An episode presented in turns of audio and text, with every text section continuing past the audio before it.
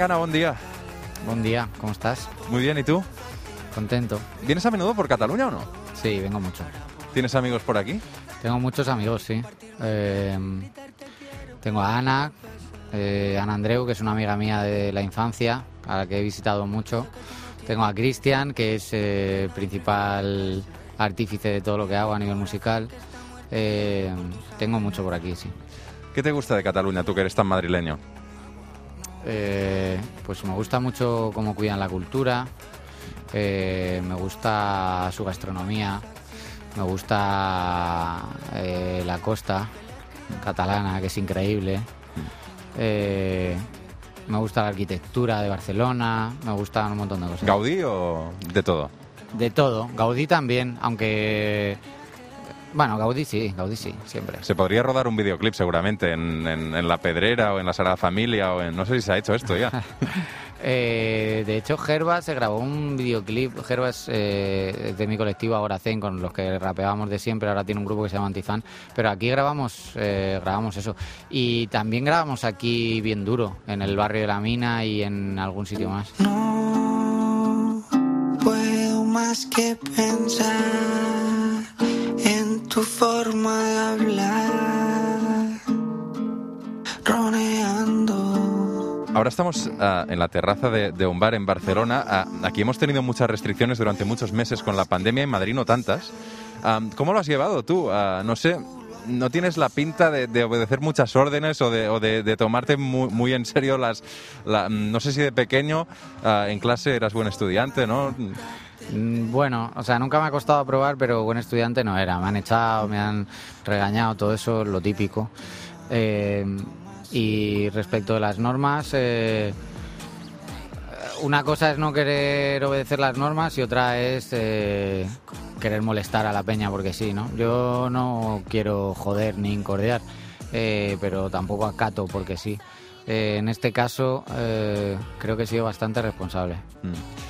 Creo que somos de la misma generación. Yo recuerdo que en clase ah, de música, cuando era pequeño en primaria, me hacían tocar ah, Vivaldi con la flauta. ¿A ti también te pasó? Sí, más o menos, sí, creo que sí. Y, y, ah, la llamada por la música, porque tú antes de convertirte en músico am, has trabajado de- en tiendas de ropa, en call centers, ah, creo que en restaurantes de fast food, un poco de todo, ¿no? Sí. O sea, esa llamada, ¿cuándo te aparece a ti?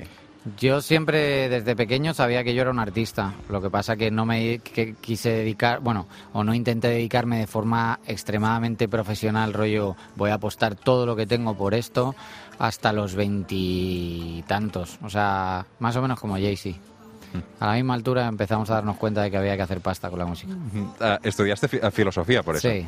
No sé si también tiene relación. A la hora de escribir letras, supongo que sí, ¿no? Pues yo creo que a la hora de escribir no, creo que la filosofía es más sesuda y más de planificar y mi forma de escribir es muy intuitiva, pero sí que la perspectiva que te da eh, de lo que quieres hacer, eh, de ver las cosas con un paso para atrás, ¿no?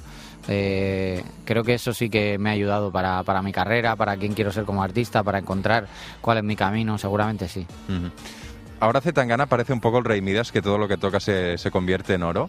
Pero cuando miras un poco de perspectiva, cuando te ves ahí trabajando en un call center y, y ves un poco lo que has conseguido y lo que tienes por delante, ¿qué piensas?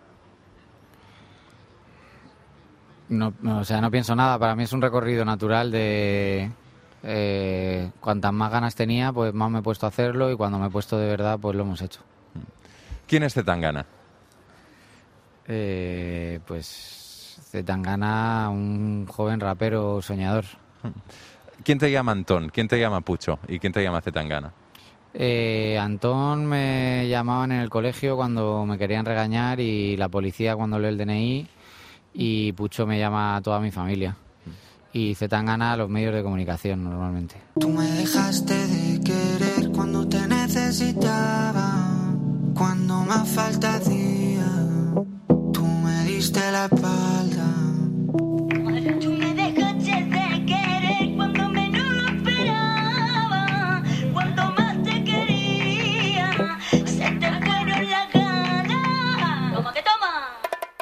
Hay, mucho curro, ¿no? Detrás de, este el madrileño. Lo digo porque es una, entiendo que también es una estrategia de marketing de, sacar canción y sacar videoclip esperar, esperar, esperar y sacar el disco, ¿no? Hay trabajo ahí, hay una estrategia, aparte de que canción y videoclip am, es una forma también de consumir muy distinta a la que teníamos pues hace 10, 15 años, ¿no?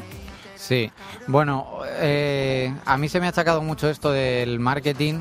eh, creo que estoy en un momento de mi carrera en el que lo más revolucionario que podía hacer era olvidarme de todo esto y centrarme en hacer canciones. Y de hecho lo que hice fue tratar de alejarme de la construcción del personaje, de tratar de alejarme de todo eso y hacer algo que fuese más espontáneo y más eh, directo y más con la piel y no tanto como con el organigrama. Em, ¿Qué es la construcción del personaje? Pues es algo que hacemos todos a nivel social, pero que los artistas lo hacemos de forma particular eh, para ponernos en un sitio determinado desde el que eh, hablas, desde el que haces discurso, desde el que bailas, desde el que cantas, desde el que pintas. Es, eh, pero es algo que hacemos todos eh, cuando, cuando estás en un curro nuevo, eh, construyes y alimentas el personaje, con tus colegas eh, construyes un personaje concreto, con tu familia, todo el rato. bueno, es, eres una persona social y ahí es donde lo haces. Los artistas más, somos más pesados con eso. ¿Te molesta que te digan que hay una estrategia de marketing detrás de tu proyecto? No, no porque la ha habido siempre, pero creo que el haber hablado sobre el mercado, que era algo completamente natural, de repente se vio como algo, bueno, un músico hablando de dinero de, o de marketing o de hablando de comunicación, de, de la industria, eh, ¡buah! Eh, de repente que es una cosa normal que hacemos todos, eh, cuando vas a echar un currículum, te pones guapo, eso es eh, lo que yo intento hacer con mis canciones, solo que al nivel de las canciones, de internet, de, eh, y creo que eso me ha restado claramente. eh, eh, bueno, ha puesto los ojos en un sitio que no son eh, el escribir canciones, que no son la composición o que no son el, el nivel de creatividad o de calidad en lo que hago. Entonces, a veces me ha dado un poco de rabia que piensen que todo es eso, cuando realmente a mí lo que se me da bien es componer canciones. Eh, y a lo luego mejor se, se mueren de envidia, ¿no? Muriendo de envidia. Tienes un tema que habla un poco de eso. Eh, eh, bueno, es eso. A mí lo que se me da bien es escribir canciones y, y entonces con este disco he tratado de enfocarme en eso. Se están muriendo de envidia las flores, las estrellas y la marbella. Porque Dios te hizo Lola más bonita que a todas ellas. Se suele decir que en Madrid ah, hay muy pocos madrileños, ¿no? ¿Tú eres un poco la resistencia? No, yo, mi familia por parte de mi madre viene de Andalucía y por parte de mi padre gallego, de, de Vigo y de la familia de mi madre de Ceuta y de Córdoba. Entonces, eh, Madrid es un buen lugar y es una buena forma de pensar la identidad desde los otros y desde la mezcla y desde las fronteras para afuera y no las fronteras para adentro. Aquí a veces eh, se tiene un poco la sensación que hay quien habla de Madrid para referirse a España entera, ¿no? Sí. ¿Tú también tienes la sensación desde Madrid? Eh, bueno, hay claramente un enfrentamiento entre la media, ¿no? Y la media me refiero a la prensa, en el que eh, parece que en Cataluña os venden que todos los eh, madrileños somos eh, fascistas rancios y, y, bueno, y en España nos venden que, que- que Cataluña está lleno de, ¿no? de enemigos y Ni una cosa ni la otra. eh, evidentemente eso es mentira y las personas que viajamos y que vamos de un lugar a otro nos damos cuenta de que tenemos eh, muchas más cosas eh, en común que ese enfrentamiento político que me parecerá bien en algunos términos, ¿no? que, que haya distinciones políticas y apoyaré unas otras, pero, pero que no es la realidad de las personas normales que estamos ahí eh, en un lado y en otro. ¿Te interesa la política a ti? Me interesa la política, pero tengo ideas que, que son un poco complicadas con la democracia representativa y todo eso, entonces me cuesta hablar realmente de lo que pienso, sobre todo con los medios de comunicación que tienden a usarlo para su línea editorial o para su clickbait. Para, tu para su titular. No vas a votar tú, normalmente. Eh, no voy a votar. Eh, no, no, no he votado. No he votado casi nunca. Solo he votado una vez. Esto no es más que otro sarao en el que te has colado con un traje alquilado. Ni siquiera me han nominado cuando paso a su lado. ¿Qué coño le ha pasado? Antes venían a verte ahora no pueden ni verte. Antes estabas al dente, pisabas mucho más fuerte. ¿Qué te dijo Jorge Drexler cuando le propusiste hacer un tema contigo? Pues que no sé, mí es un colaborador que desde muy pequeño me ha fascinado, ¿no? Y escucharlo contigo, pues esa canción es, es muy bonita y es distinta, ¿no? Eh, Es con una letra también muy particular, que, que no, no parece de Jorge Drexler. O sea, es una letra que cantada por él tiene otro... Tiene otro peso, ¿verdad? Eh, yo conocí a Jorge en una alfombra roja de unos Latin Grammy y esa canción la compusimos una noche que él estaba nominado a Mejor Canción eh, por los Latin Grammy también. De hecho, el día que se la iban a entregar, eh, yo aparezco detrás ahí cuando le enfocaron, porque era por Zoom, ya era época COVID. Eh, cuando dijeron los nominados y aparecía el cuadradito con Jorge Drexler, yo aparecía ahí por detrás, porque estábamos en el estudio escribiendo esto. Creo que es algo que nos ha pasado a todos los artistas, eh, el sentirnos en decadencia, el, el estar más preocupados por la aceptación que por lo que queremos hacer, el no encontrar las ideas. eh, las ideas buenas, el no estar en el mojo, el sentirte frustrado, es algo que nos ha pasado a todos. ¿Y Calamaro? Pues Calamaro, creo que mi número se lo dio Jorge, de hecho, a Calamaro. Eh, nada, yo, o sea, venía alimentando la idea de hacer una colaboración con Calamaro desde el- mi adolescencia, pero, pero nada, al final fue en Madrid y de hecho la canción con Calamaro está compuesta con Jorge también. Jorge estaba en el estudio esa noche. Hay otra canción preciosa que se llama Demasiadas Mujeres. Demasiadas mujeres, demasiadas mujeres, demasiadas mujeres, demasiadas mujeres, demasiadas mujeres, demasiadas mujeres, demasiadas mujeres, demasiadas mujeres. No sé si te han criticado mucho por el hecho de que esto es solo un título, porque la mayoría de las colaboraciones del madrileño son hombres, ¿no? La mayoría de colaboraciones del disco son hombres, pero todas mis grandes canciones hasta el madrileño han sido con mujeres. Eh, Booty con Becky G, eh, No te debí besar con Paloma Mami, Antes de morirme con Rosalía, eh, tengo eh, Bien y va con Nati Natasha. O sea, es una constante en mí el hacer colaboraciones femeninas y en este disco no se ha dado y no hay que buscarle más vueltas. Eh, la colaboración principal, o sea, el éxito principal del disco es eh, una canción con la húngara eh, artista a la que respeto y admiro profundamente. ¿Te han acusado alguna vez de machista? ¿Tú qué respondes? Por algunas letras. A la prensa no le respondo nada. En la vida particular no me han acusado muchas veces de machista. He visto que reivindicas mucho el hecho de ser hombre, ser hetero, ser blanco, ¿no? Ah, esto- Bueno, no sé si lo reivindico. Lo, eh, lo que hago es no negarlo y no tratar de, de ponerme en una piel que no es la mía. A partir de aquí, esta situación de, de privilegio que tenemos Sí. ah, y, y- y con tu altavoz, am, ¿cómo la puedes ah, jugar un poco? Bueno, mm, yo creo que la situación de privilegio, eh, si la juegas, entonces mal, porque entonces estás usando tu privilegio para jugar, que creo que eso no es el truco. Pero yo lo que trato es eh, de ser natural y, y en mi vida personal de aprender cada día a, a hacer las cosas mejor y ya está. Pero trato de ser natural, o sea, eso que has dicho antes como de reivindicar, no es realmente una reivindicación, es tratar de ser consciente, ¿no? Y ser uno consciente y eso, mm, eso muchas veces es el 60% para hacer las cosas mejor. El Me Too, el, el 8M, el, el feminismo de estos últimos años, a muchos hombres nos ha puesto delante del espejo, ¿no? Y nos hemos dado cuenta de, de muchas cosas, ¿no? Sí. ¿Tú de qué te has dado cuenta? Para mí el mito es una consecuencia de una conversación que viene antes. O sea, yo, como has dicho antes, estudié filosofía y, la, o sea, el feminismo crítico y la ideología feminista y la conversación y el debate real y profundo eh, viene, para mí viene de mucho antes. A mí el Me Too no me ha despertado nada. Me despertaban cosas pues con 16 o 18 años cuando conversaba con Marta Chávez o, o en la facultad me han despertado cosas. eh, eh, no sé, mm, no sé, Virgin Despentes cuando la he leído, pero desde luego el Twitter no me ha despertado nada nuevo. Mi pregunta antes también iba un poco dirigida a, a si desde esta posición que tenemos de, de macho alfa se puede hacer lucha o estar al lado de la lucha feminista también, ¿no?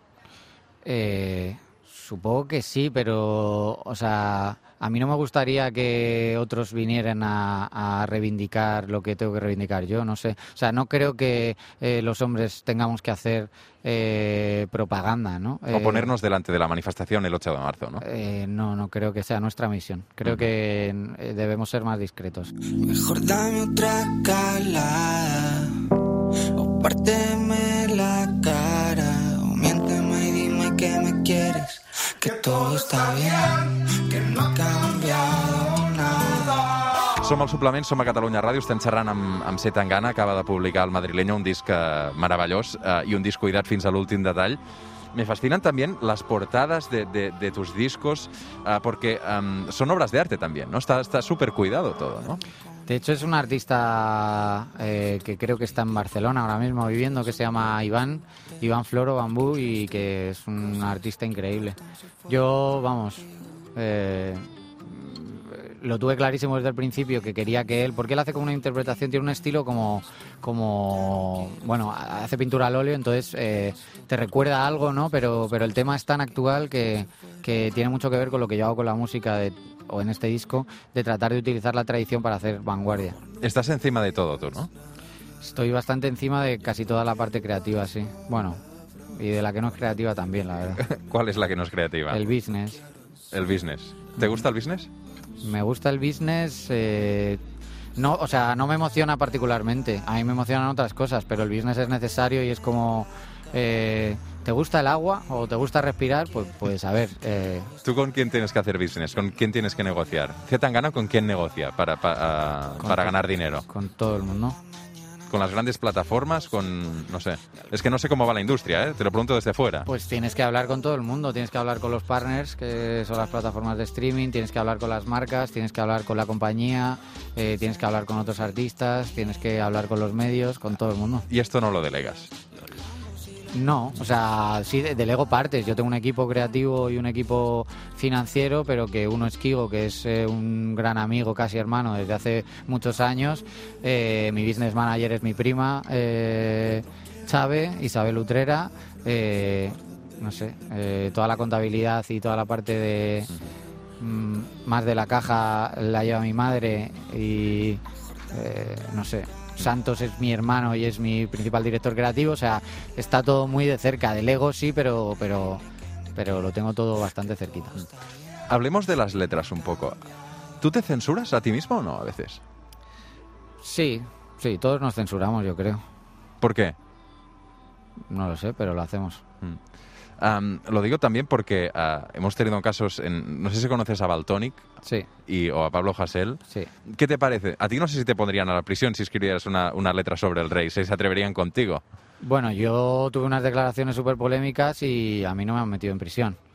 Eh, de hecho, eh, me acuerdo que me hicieron una entrevista aquí en Cataluña y me preguntaron sobre el tema de Baltonic y yo dije que creo que era diferente eh, y que no era tanto por el insulto, sino que creo que hay otras cosas eh, detrás, ¿no?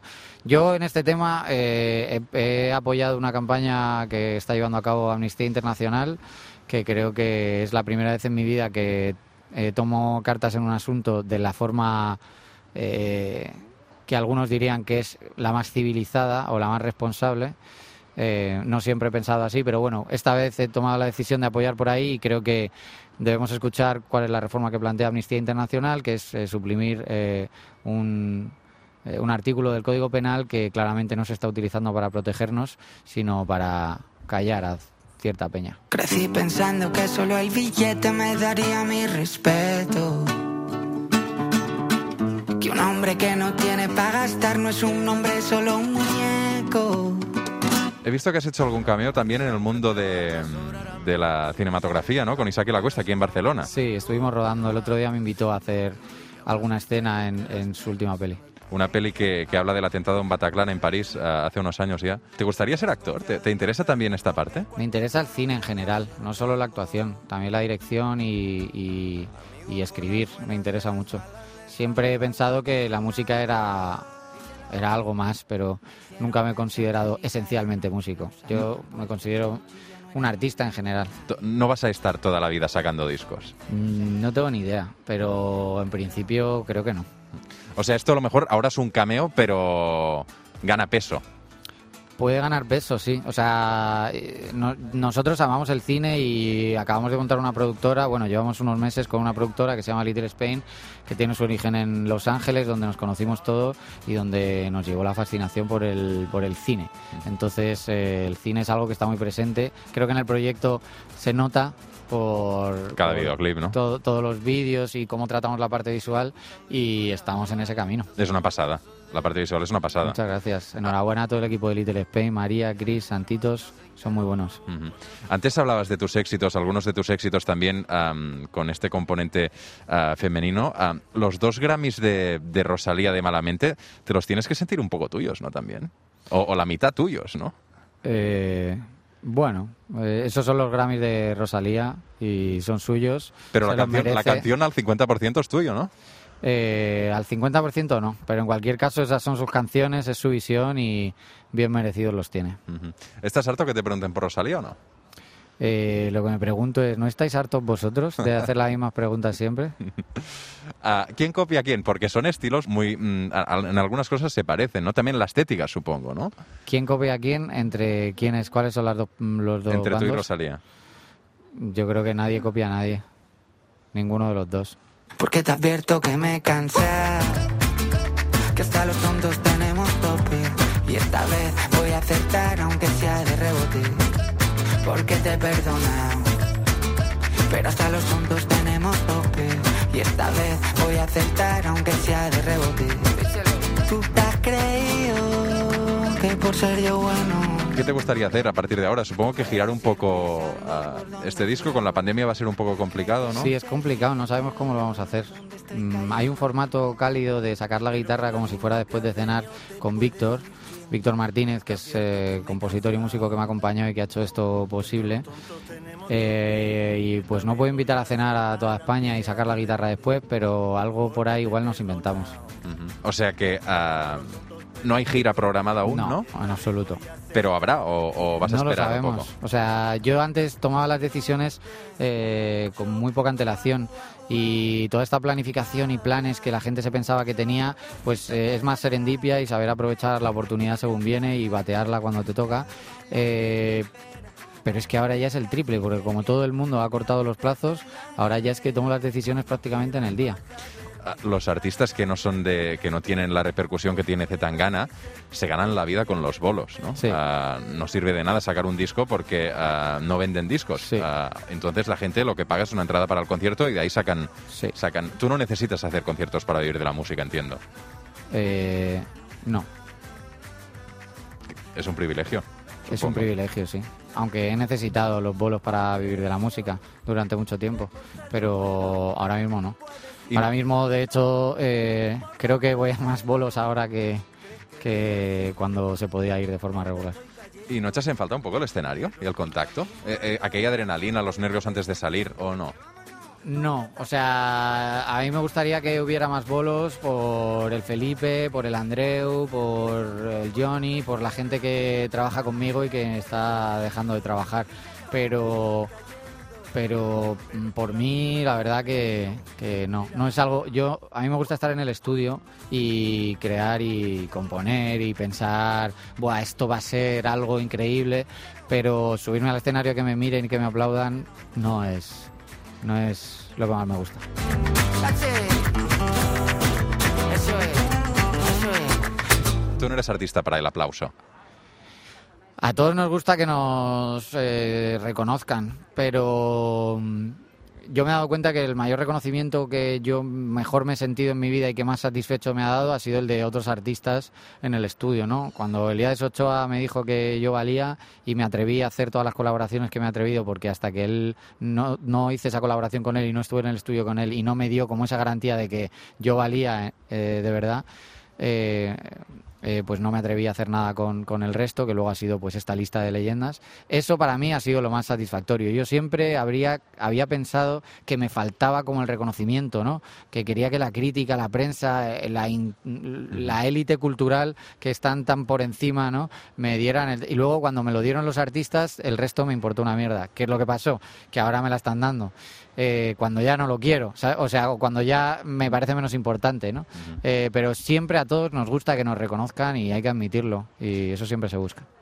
¿Cómo has gestionado el ego am, después de una carrera de éxito y de un boom como el que has tenido? ¿Dónde lo guardas cuando llegas a casa?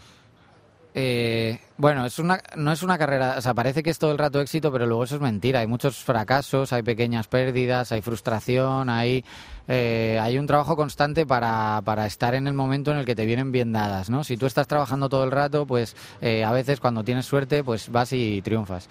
pero pero no ha sido un trabajo, no ha sido, no ha sido constantemente éxito. Y luego yo tengo los mismos amigos y la misma familia desde hace mucho tiempo y, y a veces eh, si apago el móvil pues eh, sigue siendo una vida completamente normal. Mm, Necessites apagar-lo de vez en cuando, el mòbil, o no? Sí, lo apago muchas veces, claro.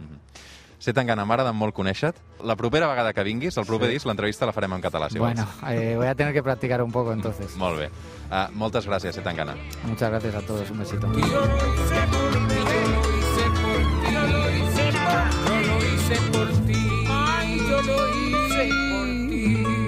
El suplement. Ràdio amb esperit de cap de setmana.